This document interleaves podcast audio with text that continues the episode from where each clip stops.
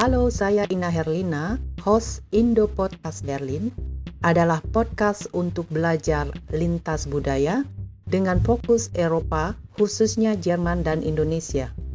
Kami ingin berbagi cerita pribadi tentang kehidupan, cinta, dan entrepreneurship dari lingkungan budaya negara ini untuk memberikan inspirasi kepada para pendengar merupakan pengalaman hidup dan budaya sehari-hari di Eropa bahasa, keragaman, identitas, dan empowerment. Di setiap episode, kisah nyata diceritakan oleh orang-orang yang pernah saya temui dan menceritakan pengalamannya secara otentik dalam bahasa Indonesia atau bahasa Jerman. Apa yang menghubungkan kita dengan yang lain? Mari kita membagi energi positif. Instagram kami indopodcast.berlin dan website kami indokultur.de. Apa Eli kerja di mana sekarang? Udah lama kita nggak ketemu ya, nggak pernah ngobrol-ngobrol. Iya, saya sebenarnya udah lama saya kerjakan dua tahun ya. Saya tuh kerja sudah dari tahun 2004 sebenarnya. Cuman waktu itu kan saya kerjanya pindah-pindah. Jadi saya kayak gimana ya kalau orang Jerman bilang selbstständig. Hmm, jadi sekarang nih kerja di bidang apa nih sekarang? Saya masih tetap perawat, tapi uh, udah bidangnya udah pindah, udah beda. Kemarin kan saya ya pindah-pindah sih, tergantung permintaan dari rumah sakit yang kekurangan tenaga medis. Jadi saya hari ini ke sana, hari ini ke mana gitu. Oh, jadi beda-beda rumah sakitnya ya? Beda-beda. Kadang permintaan ada yang Abteilung apa sih uh, ada ITS, ada yang dari apa itu ITS? Intensif stasiun. Oh, tapi di rumah sakit yang sama atau rumah sakit beda-beda? Beda-beda. Beda. Oh. Saya waktu itu selama dari 2000 berapa ya? 2015 saya itu boleh dibilang di seluruh rumah sakit di Berlin. Jadi kadang dipindah. Sekarang udah enggak sih, udah udah tetap. Masa pandemi tentu aja ini ya apa perawat ini diperlukan sekali sekarang ini ya, pasti sibuk sekali ya. Jam kerjanya itu bagaimana mungkin uh, Eli bisa ceritakan kalau perawat sekarang ini di masa pandemi itu kerjanya bagaimana? Ya memang di masa pandemi ini buat kita sebagai seorang perawat itu agak gimana ya sangat-sangat sekali kita itu sering um, waktu itu kita susah. Jadi jam jam istirahat juga udah susah jam pulang harus tepat waktu juga susah. Uh, karena zaman sekarang itu waktu-waktu pandemi ini uh, untuk pengalaman saya pribadi, kadang-kadang kita uh, dinas pagi saat itu, terus tahu-tahu teman telepon, saya sakit, nggak bisa dinas. Nah, otomatis dari orang yang ada di situ itu kita harus siap standby untuk membantu teman yang kerja siang. Kemungkinan kan yang kerja siang cuma dua orang tiga hmm. orang. Sedangkan berapa, kita berapa itu, jam sehari biasanya bekerjanya? Kita itu sebenarnya kerja itu delapan jam. Itu Gesetzlich atau uh, di Jerman itu delapan jam. Tapi kita itu mulai dari jam 6 pagi sampai jam 2.30 uh, karena istirahat 30 menit Hmm. Tapi banyak uh, juga apa namanya lembur gitu karena pandemi ini atau gimana? Banyak. Sebenarnya bukan karena pandemi aja kita banyak lembur. Dari dulu juga kita perawat di Jerman ini uh, kita kekurangan tenaga medis ya. Jadi kadang-kadang kita itu sering lemburnya, kadang dari pagi kita juga langsung masuk siang. Jadi bisa juga kita tuh dua shift kerja yang kita tapi nggak selalu sih ya, cuman agak sulit buat kita. Jadi sebagai perawat di Jerman itu kita seperti kehilangan kayak keluarga temen susah untuk manage gimana kalau kita janjian oke okay, saya datang tapi ternyata karena ada sesuatu hal di kerjaan terpaksa kita juga harus membatalkan janji sama teman sama keluarga maksudnya ada juga mendadak harus menggantikan uh, kolega yang nggak bisa juga mungkin ya iya jadi seperti itu jadi kadang kita harus menggantikan atau kita harus lembur. Mungkin seharusnya udah eh, waktunya pulang, tapi karena ada suatu halangan, eh, ada pasien yang mendadak datang karena kecelakaan, karena ada sesuatu dari stasiun lain, mungkin kekurangan tempat tidur, terus harus masuk ke tempat kita. Nah, itu kita juga harus diam di situ untuk membantu teman-teman kita yang kemungkinan mereka nggak mungkin bisa dikerjakan sendiri. Sekarang uh, tugasnya Eli itu di bagian apa? Maksudnya apa pindah-pindah hmm. atau gimana itu cara kerjanya perawat di uh, di sini? Kalau untuk untuk sekarang ini saya tetap di departemen yang sama. Saya sekarang ada di bagian uh, Unfall Zero. Jadi uh, di bagian unfal chirurgi untuk ortopedisnya. Jadi, oh, jadi kecelakaan ini ya kecelakaan, kecelakaan dan juga operasi iya, ya operasi iya, kecelakaan. Uh, uh, iya iya jadi itu ya buat kita buat kita sebagai perawat untuk sementara ini seperti apa sih kalau orang zaman we happen so feel drop jadi kita harus bisa mampu semuanya dikerjakan dalam waktu yang sesingkat mungkin. Gimana ya? Susah untuk dijelaskan untuk sementara ini. Karena ya karena masa-masa pandemi ini kita agak susah. Maksudnya susah dalam mengkoordinasi uh, waktu atau juga karena situasi pandemi ini mungkin ya. Jadi waktu dan juga karena pandemi kita juga ada peraturan untuk sementara ini kan tidak boleh ada orang luar yang masuk atau dari misalkan dulu sebelum ada pandemi itu kita gampang ngambil suatu um, firma agen untuk menyewa perawat masuk ke rumah sakit tapi sekarang ini kita harus berusaha bekerja dari departemen yang sama supaya kita sama uh, maksudnya nggak nggak ada orang luar yang masuk ke departemen kita tanpa ada uh, tes COVID oh, karena dan, ini ya penyebaran corona mungkin ya untuk iya, iya. penyebaran iya. corona. Eli bisa sekarang tertarik dengan perawat itu gimana ceritanya tuh? Awal ceritanya, mulanya apakah ikut dulu pendidikan atau gimana tuh ceritanya? awal mula itu um, memang sudah keinginan saya waktu di Indonesia, cuman karena di Indonesia itu gimana ya kesempatan menjadi perawat itu tidak semudah seperti di Jerman.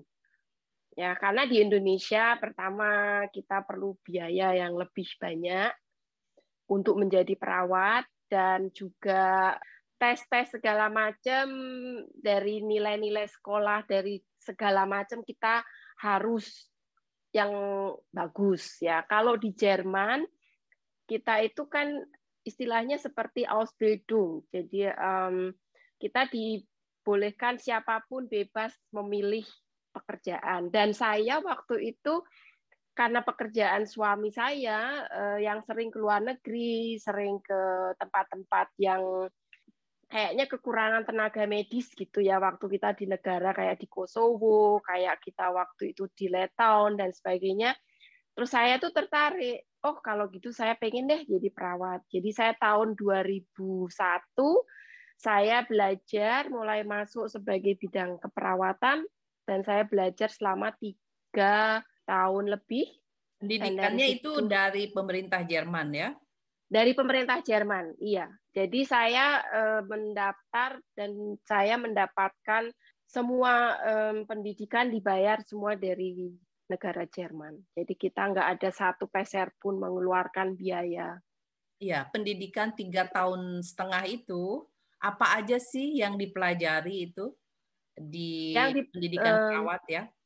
Ya, pertama uh, satu tahun pertama kita belajar untuk praksis seperti gimana ya kita terjun melihat langsung dari uh, jadi seminggu dua kali kita uh, ada teori sekolah teori terus tiga hari kita ada sekolah praksis jadi di dalam rumah sakit itu kita bisa belajar ikut dengan perawat yang sudah senior ya. Jadi senior perawat kita tuh ngajarin kita cara gimana kita merawat pasien, bagaimana kita membantu pasien itu tuh selama satu tahun. Nah setahun tahun kedua kita belajar dari obat-obatan dari dari segi obat-obatan dan juga patologi. Jadi kita harus mengenal gimana uh, pasien ini punya penyakit apa dan harus bagaimana. Jadi kita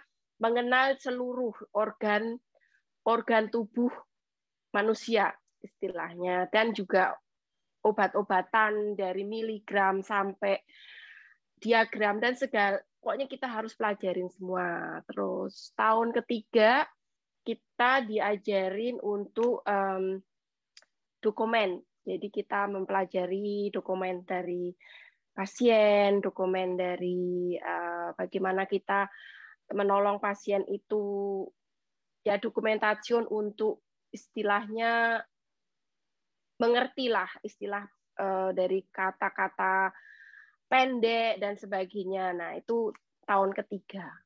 Hmm, jadi dokumen lebih kepada mungkin organisasi dan apa namanya dokumentasi pasien itu ya. Iya. Ah, terus ulangannya itu ya, maksudnya ada ujiannya dong ya. Itu susah nggak tuh? Gimana tuh?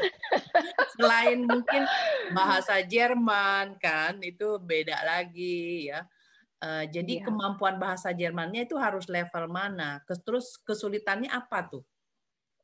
Eh, kita sebagai orang asing dari saya pribadi dan juga dari banyak teman-teman yang orang asing di sini itu memang sih kita terpaut dari bahasa. Karena kan kita hmm, gimana ya kita harus belajar bahasa dulu sampai B Ain B1 Mindes. Mindes itu B1 sampai B2 kita harus bisa pelajarin bahasa itu punya lulusan.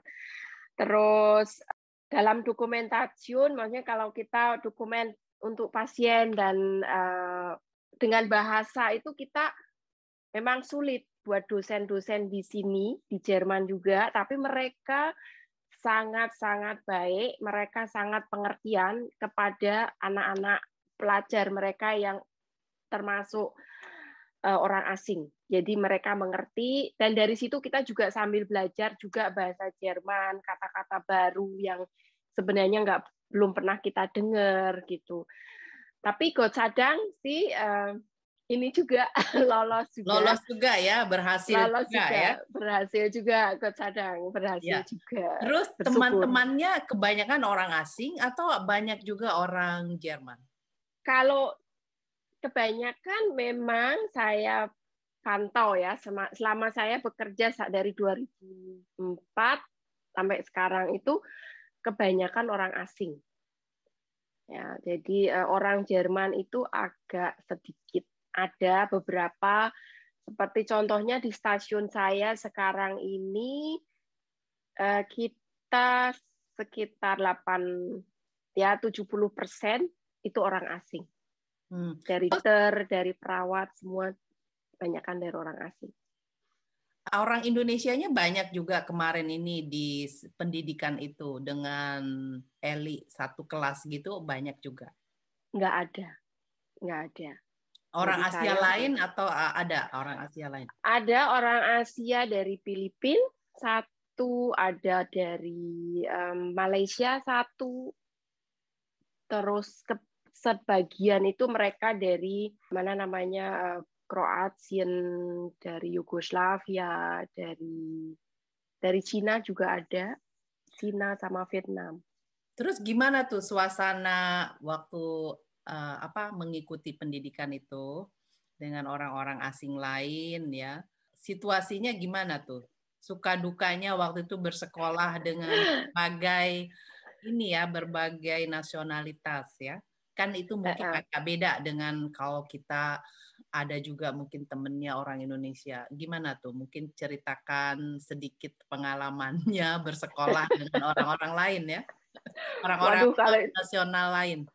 Ya dari multikulti ya. Um, pengalamannya itu sebenarnya uh, buat saya pribadi itu menyenangkan ya. Karena kita belajar tapi kita juga bisa uh, gimana sambil belajar kultur dari mereka juga untuk um, bisa mengerti karakter dan uh, kepribadian mereka gitu. Jadi dan kita sama-sama orang asing itu lebih kita lebih dekat karena sama-sama uh, kita uh, gimana ya uh, terbatas dengan bahasa. Ya.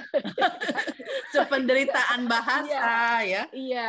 Oh, jadi ter, Uh, uh, jadi kadang-kadang ada lucunya, ada juga hmm, keselnya juga. Apa tuh lucunya apa? Keselnya apa tuh?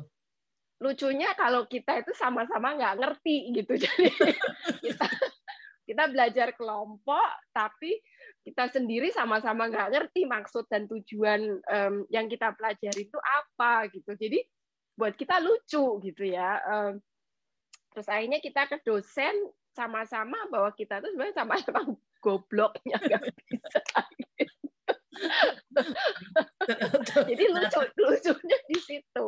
Uh, ya karena keterbatasan bahasa dan kadang-kadang ada uh, apa ya uh, word atau kata-kata yang buat kita baru gitu, yang kita nggak ngerti gitu. Karena kan bahasa medicine itu beda dengan bahasa kita sehari-hari gitu. Jadi kadang-kadang ya lucu makanya terus kata kadang-kadang dosennya juga bingung aduh pusing deh banyak kan ini uh gitu. keselnya kenapa tuh Eli kalau keselnya keselnya kadang-kadang gini um, kita sama-sama nggak ngerti tapi mereka itu suka banyak sekali pertanyaan ke kita gitu ya. Maksudnya misalkan pribadi saya tuh uh, ada teman dari waktu itu dari waktu sekolah uh, waktu pendidikan tuh ada teman dari Kroasia dia bahasanya terbatas banget minim banget. Terus dia selalu nanya saya kan ini maksudnya apa? Ini maksudnya apa? gitu ya. Terus aku bilang gue sendiri juga kagak ngerti gitu ya. Terus uh, terus ini juga lagi konsentrasi gitu ya. Terus itu yang kadang-kadang bikin kita kesel tapi terus lama-lama kita ngerti juga ya. Memang karena keterbatasan mereka bahasa terus um, mereka lebih sulit bahasanya daripada kita yang mungkin cepat memahami gitu makanya agak lumayan ya mungkin kita bahasanya lebih apa namanya kalau dibandingkan seperti Vietnam mungkinnya tulisannya agak beda juga atau Thailand mm -hmm. ya ya terus Cina juga dengan, kan beda ya beda Cina. dengan Jerman bahasa apa alfabet kita masih Latin ya. Iya nah, terus waktu menangani pasien nih misalkan ya apa sih yang yang beda gitu kalau menurut Eli apa yang harus diperhatikan yang cara penanganannya itu kok ini Jerman banget gitu misalkan Eh, kalau penanganannya selama kita di sini, kita itu penanganannya nggak ada yang spesial. Jadi um, kita hanya melihat pasien, dia memerlukan pertolongan kita. Jadi kalau kita kan banyak sekali pasien, kita harus mengenalnya dia pasien dia apa sih yang dia rasakan gitu ya. Jadi eh, kita bisa menolong mereka dengan cara mungkin nggak harus dengan obat-obatan atau dengan kesabaran kita.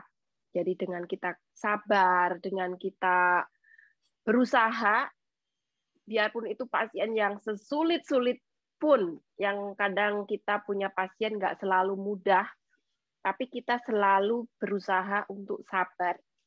Suka dukanya bekerja apa sebagai perawat itu apa? Wah, suka dukanya banyak ya. Kalau diceritain banyak nih suka dukanya. Mungkin ada dua uh, contoh. Lebih, lebih banyak dukanya daripada sukanya ya. Tapi kalau pengalaman saya yang paling berkesan ya waktu itu saya di di OP stasiun. Jadi di OP stasiun jadi ter, berkesan ya karena kita sebagai manusia istilahnya bukan sebagai perawat tapi sebagai manusia di bagian operasi ya itu Iya, di bagian operasi. Waktu itu selama dua tahun saya di bagian operasi itu berkesan ya karena saya bisa belajar banyak dari segala macam medis yang eh, dari operasi kaki, dari potong kaki sampai dipotong leher istilahnya, um, buat saya berkesan sekali. Ternyata ya banyak darah, banyak segala macam yang kita lihat ya yang nggak bisa dibilang. Jadi um, itu kesan yang paling uh, ya buat saya sebagai seorang perawat dari Indonesia yang dari Asia yang sebenarnya itu bangga gitu ya. Ah, aku bisa menolong dan saya sampai bisa masuk ke sini gitu. Itu suatu kebanggaan buat saya. Terus yang buat saya itu kadang menyedihkan itu buat saya ada pasien yang sudah tua terus dia sudah difonis mungkin dia punya nggak lama lagi gitu ya. Itu buat kita sebenarnya juga sedih ya. Sebagai perawat itu kita juga punya hati kadang-kadang kasihan tapi kita nggak bisa menolong banyak. Hanya bisa memberikan dia mungkin senyuman hanya bisa memberikan apa ya sedikit keringanan. Misalkan dia mau mau curhat mau mungkin ada sesuatu yang dia mau bicarakan. Hanya itu yang kita bisa ya itu yang buat saya kadang-kadang sedih ya ya ya bukan hanya orang tua aja sih pasien-pasien yang mungkin sudah difonis mungkin nggak lama dan sebagainya gitu itu di bagian paliatif atau apa itu bagiannya kalau orang-orang uh, sudah di kalau pasien sudah difonis mungkin tidak akan lama lagi atau penyakitnya sudah terlalu parah kali ya. Itu bagian apa? Iya. Itu uh, di bagian paliatif, tapi kadang-kadang dari bagian paliatif itu mereka ngirim ke stasiun di mana karena dia punya harus mungkin dia harus cuci darah, mungkin dia harus uh, dioperasi dan sebagainya. Kan mereka harus tinggal dulu di stasiun kami dan um, kadang-kadang gimana ya saya bisa menolong mereka gitu tapi kan mereka udah nggak bisa ditolong lagi gitu jadi kita hanya bisa ya itu aja meringankan beban mereka dengan cara kita mungkin ngasih obat supaya dia nggak sakit. Dan mendengarkan sedikit waktu yang kita punya mungkin 10 menit untuk mendengarkan dia cerita apa yang ingin dia ceritakan gitu. Jadi itulah yang uh, ya selama ini saya ya mengenal ya mengalami gitu. Jadi agak susah agak berat kadang-kadang ini sekarang sudah masuk ke tahun keberapa kerja di rumah sakit yang ini? Sekarang di kerja di rumah sakit apa ya? Saya sekarang ada di Sarite Mite. Jadi um, sudah dari satu bulan yang lalu. Eh, dengan adanya pandemi apa juga Eli menangani orang-orang yang sakit corona atau enggak? Iya, saya bulan November, November, Desember, Januari itu saya ada di intensif karantina. Itu jadi saya selama tiga bulan itu di situ dan buat saya itu sangat-sangat gimana ya? Buat saya itu benar-benar depresi. Saya benar-benar stres, saya benar-benar um, selama tiga bulan itu kondisi saya boleh dibilang sangat menurun. Kenapa? Pertama-tama kita di dalam itu jadi seakan-akan ikut di karantina. Jadi kita nggak boleh keluar ke mana pun dan kita selalu harus dari satu pasien ke satu pasien kita harus buka tutup buka tutup dari segala dari masker sampai baju itu kita harus ganti setiap menit. Boleh bilang setiap menit ya. Terus kita nggak boleh keluar dari stasiun itu kecuali kalau kita selesai kerja. Dan itu pun kita harus benar-benar steril kalau kita keluar dari tempat kerja. Dan ya itulah yang bikin saya eh, akhirnya mengundurkan diri dan saya bilang saya pengen dipindah ke Abteilung lain gitu, ke tempat lain gitu. Karena saya selama tiga bulan itu benar-benar bukan saya aja seakan-akan saya sudah sudah nggak sanggup untuk bekerja sebagai perawat lagi. Jadi itu nah, tantangan berat buat kita. Iya betul. Itu keadaan di ya di departemen yang menangani corona itu karena banyak pasiennya juga atau karena peraturannya yang ketat dan itu mungkin bersamaan kali ya. Selain pasiennya terlalu banyak, juga peraturannya ketat dan apa waktunya itu mengaturnya, memanagenya mungkin ya.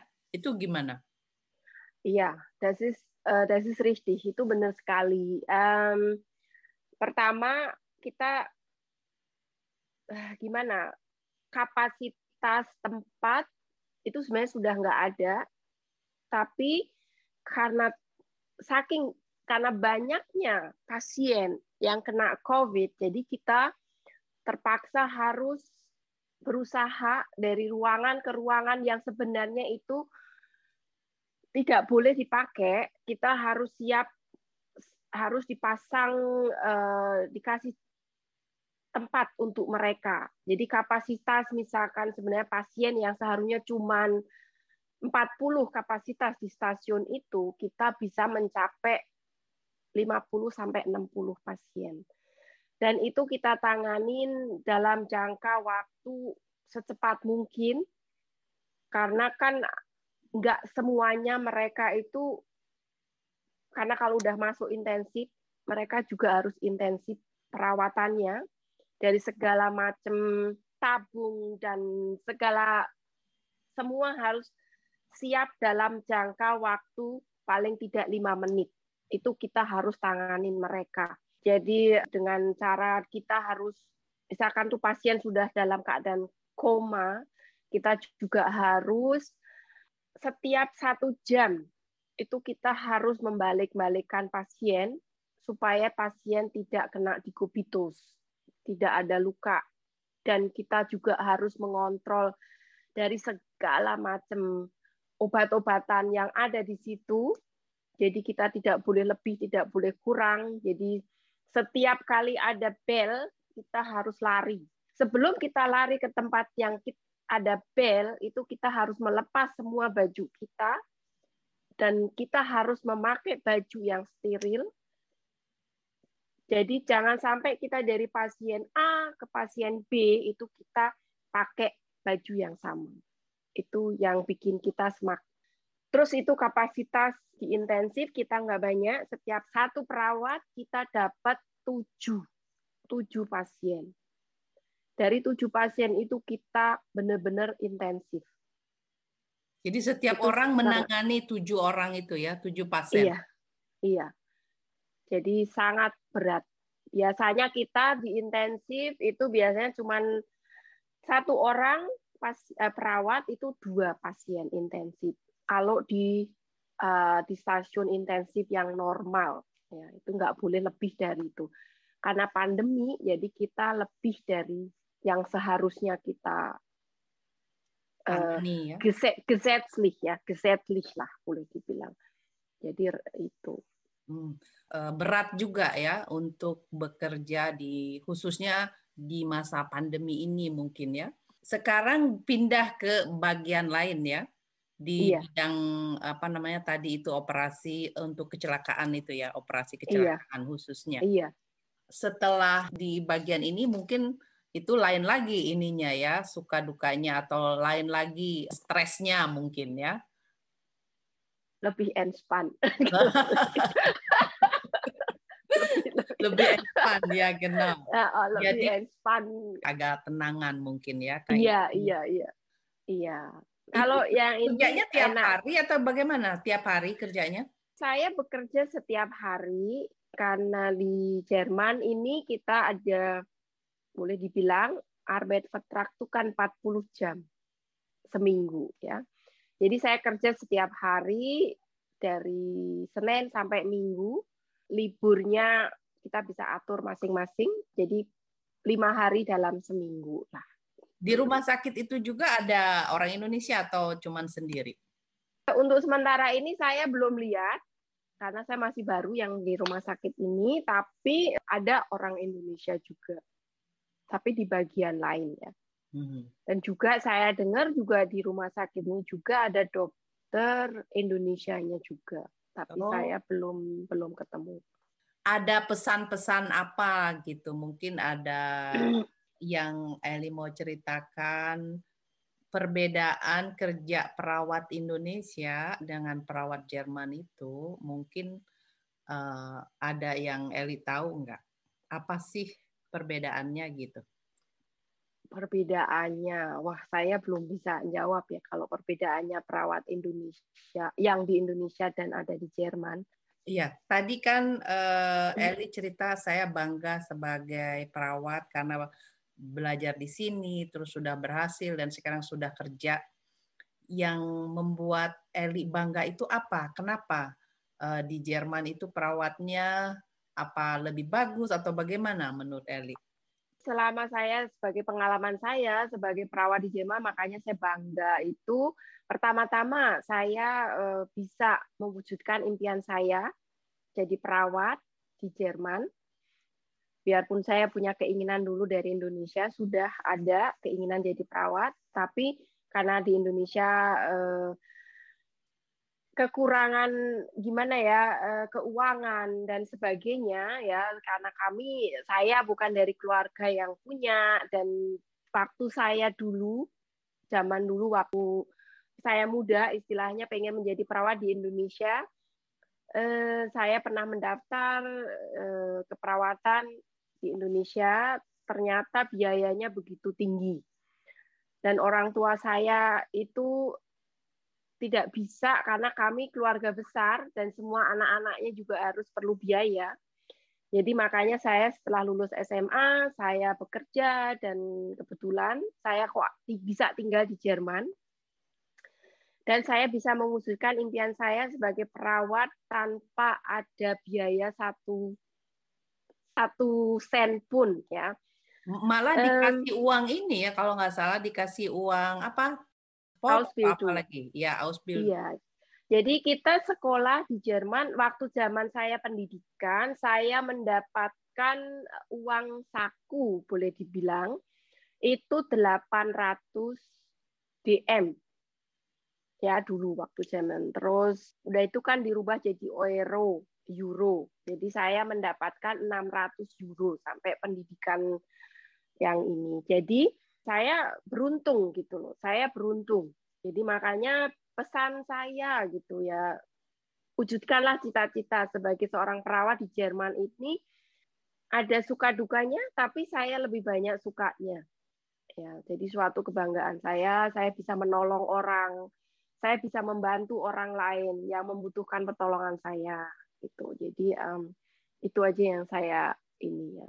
Untuk yang lain mungkin ada ada inspirasi pengen menjadi perawat di Jerman dan saya juga punya keinginan kemungkinan mungkin ada jalan bahwa perawat-perawat Indonesia yang punya keinginan ke Jerman bisa diwujudkan karena banyak tenaga medis yang dibutuhkan di Jerman ini. Dan kita juga sekarang banyak tenaga medis perawat dari Cina yang didatangkan ke Jerman dan Vietnam saya dengar juga ya, Vietnam juga iya. banyak ya. Iya, Vietnam, Cina itu. Jadi mereka di negaranya mereka sudah sebagai seorang perawat dan di sini mereka tinggal anerkendung ya. Jadi untuk ijazah mereka yang dari negaranya di ya di, disamakan ya. Eli sudah berapa lama ya di Jerman? Saya uh, udah kenal Eli lama tapi kurang tahu berapa udah berapa lama nih ya. Saya di Jerman sudah lama sekali. Saya sudah dari tahun 96, saya ada di Jerman, mengikuti suami, dan sampai sekarang. sekitar sudah 24 tahunan. Kan Eli juga punya anak satu ya? Iya. Mengatur bekerja dengan anak, dengan keluarga gitu, gimana tuh?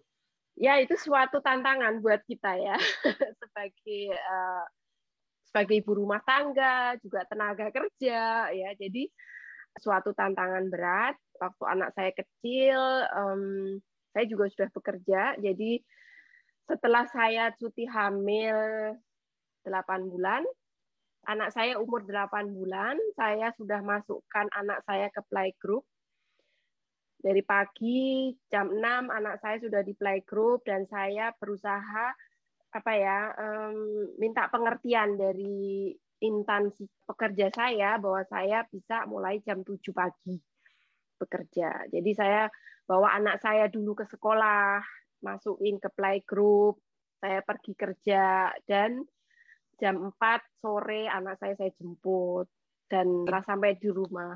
Ya, jadi ngatur-ngaturnya ya.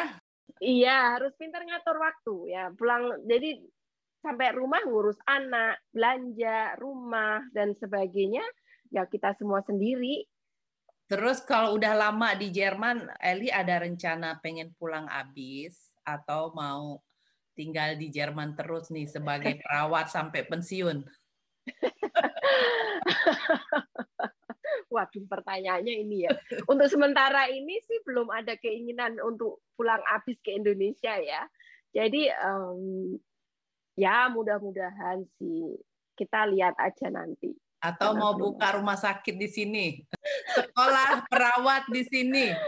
Waduh, ketinggian.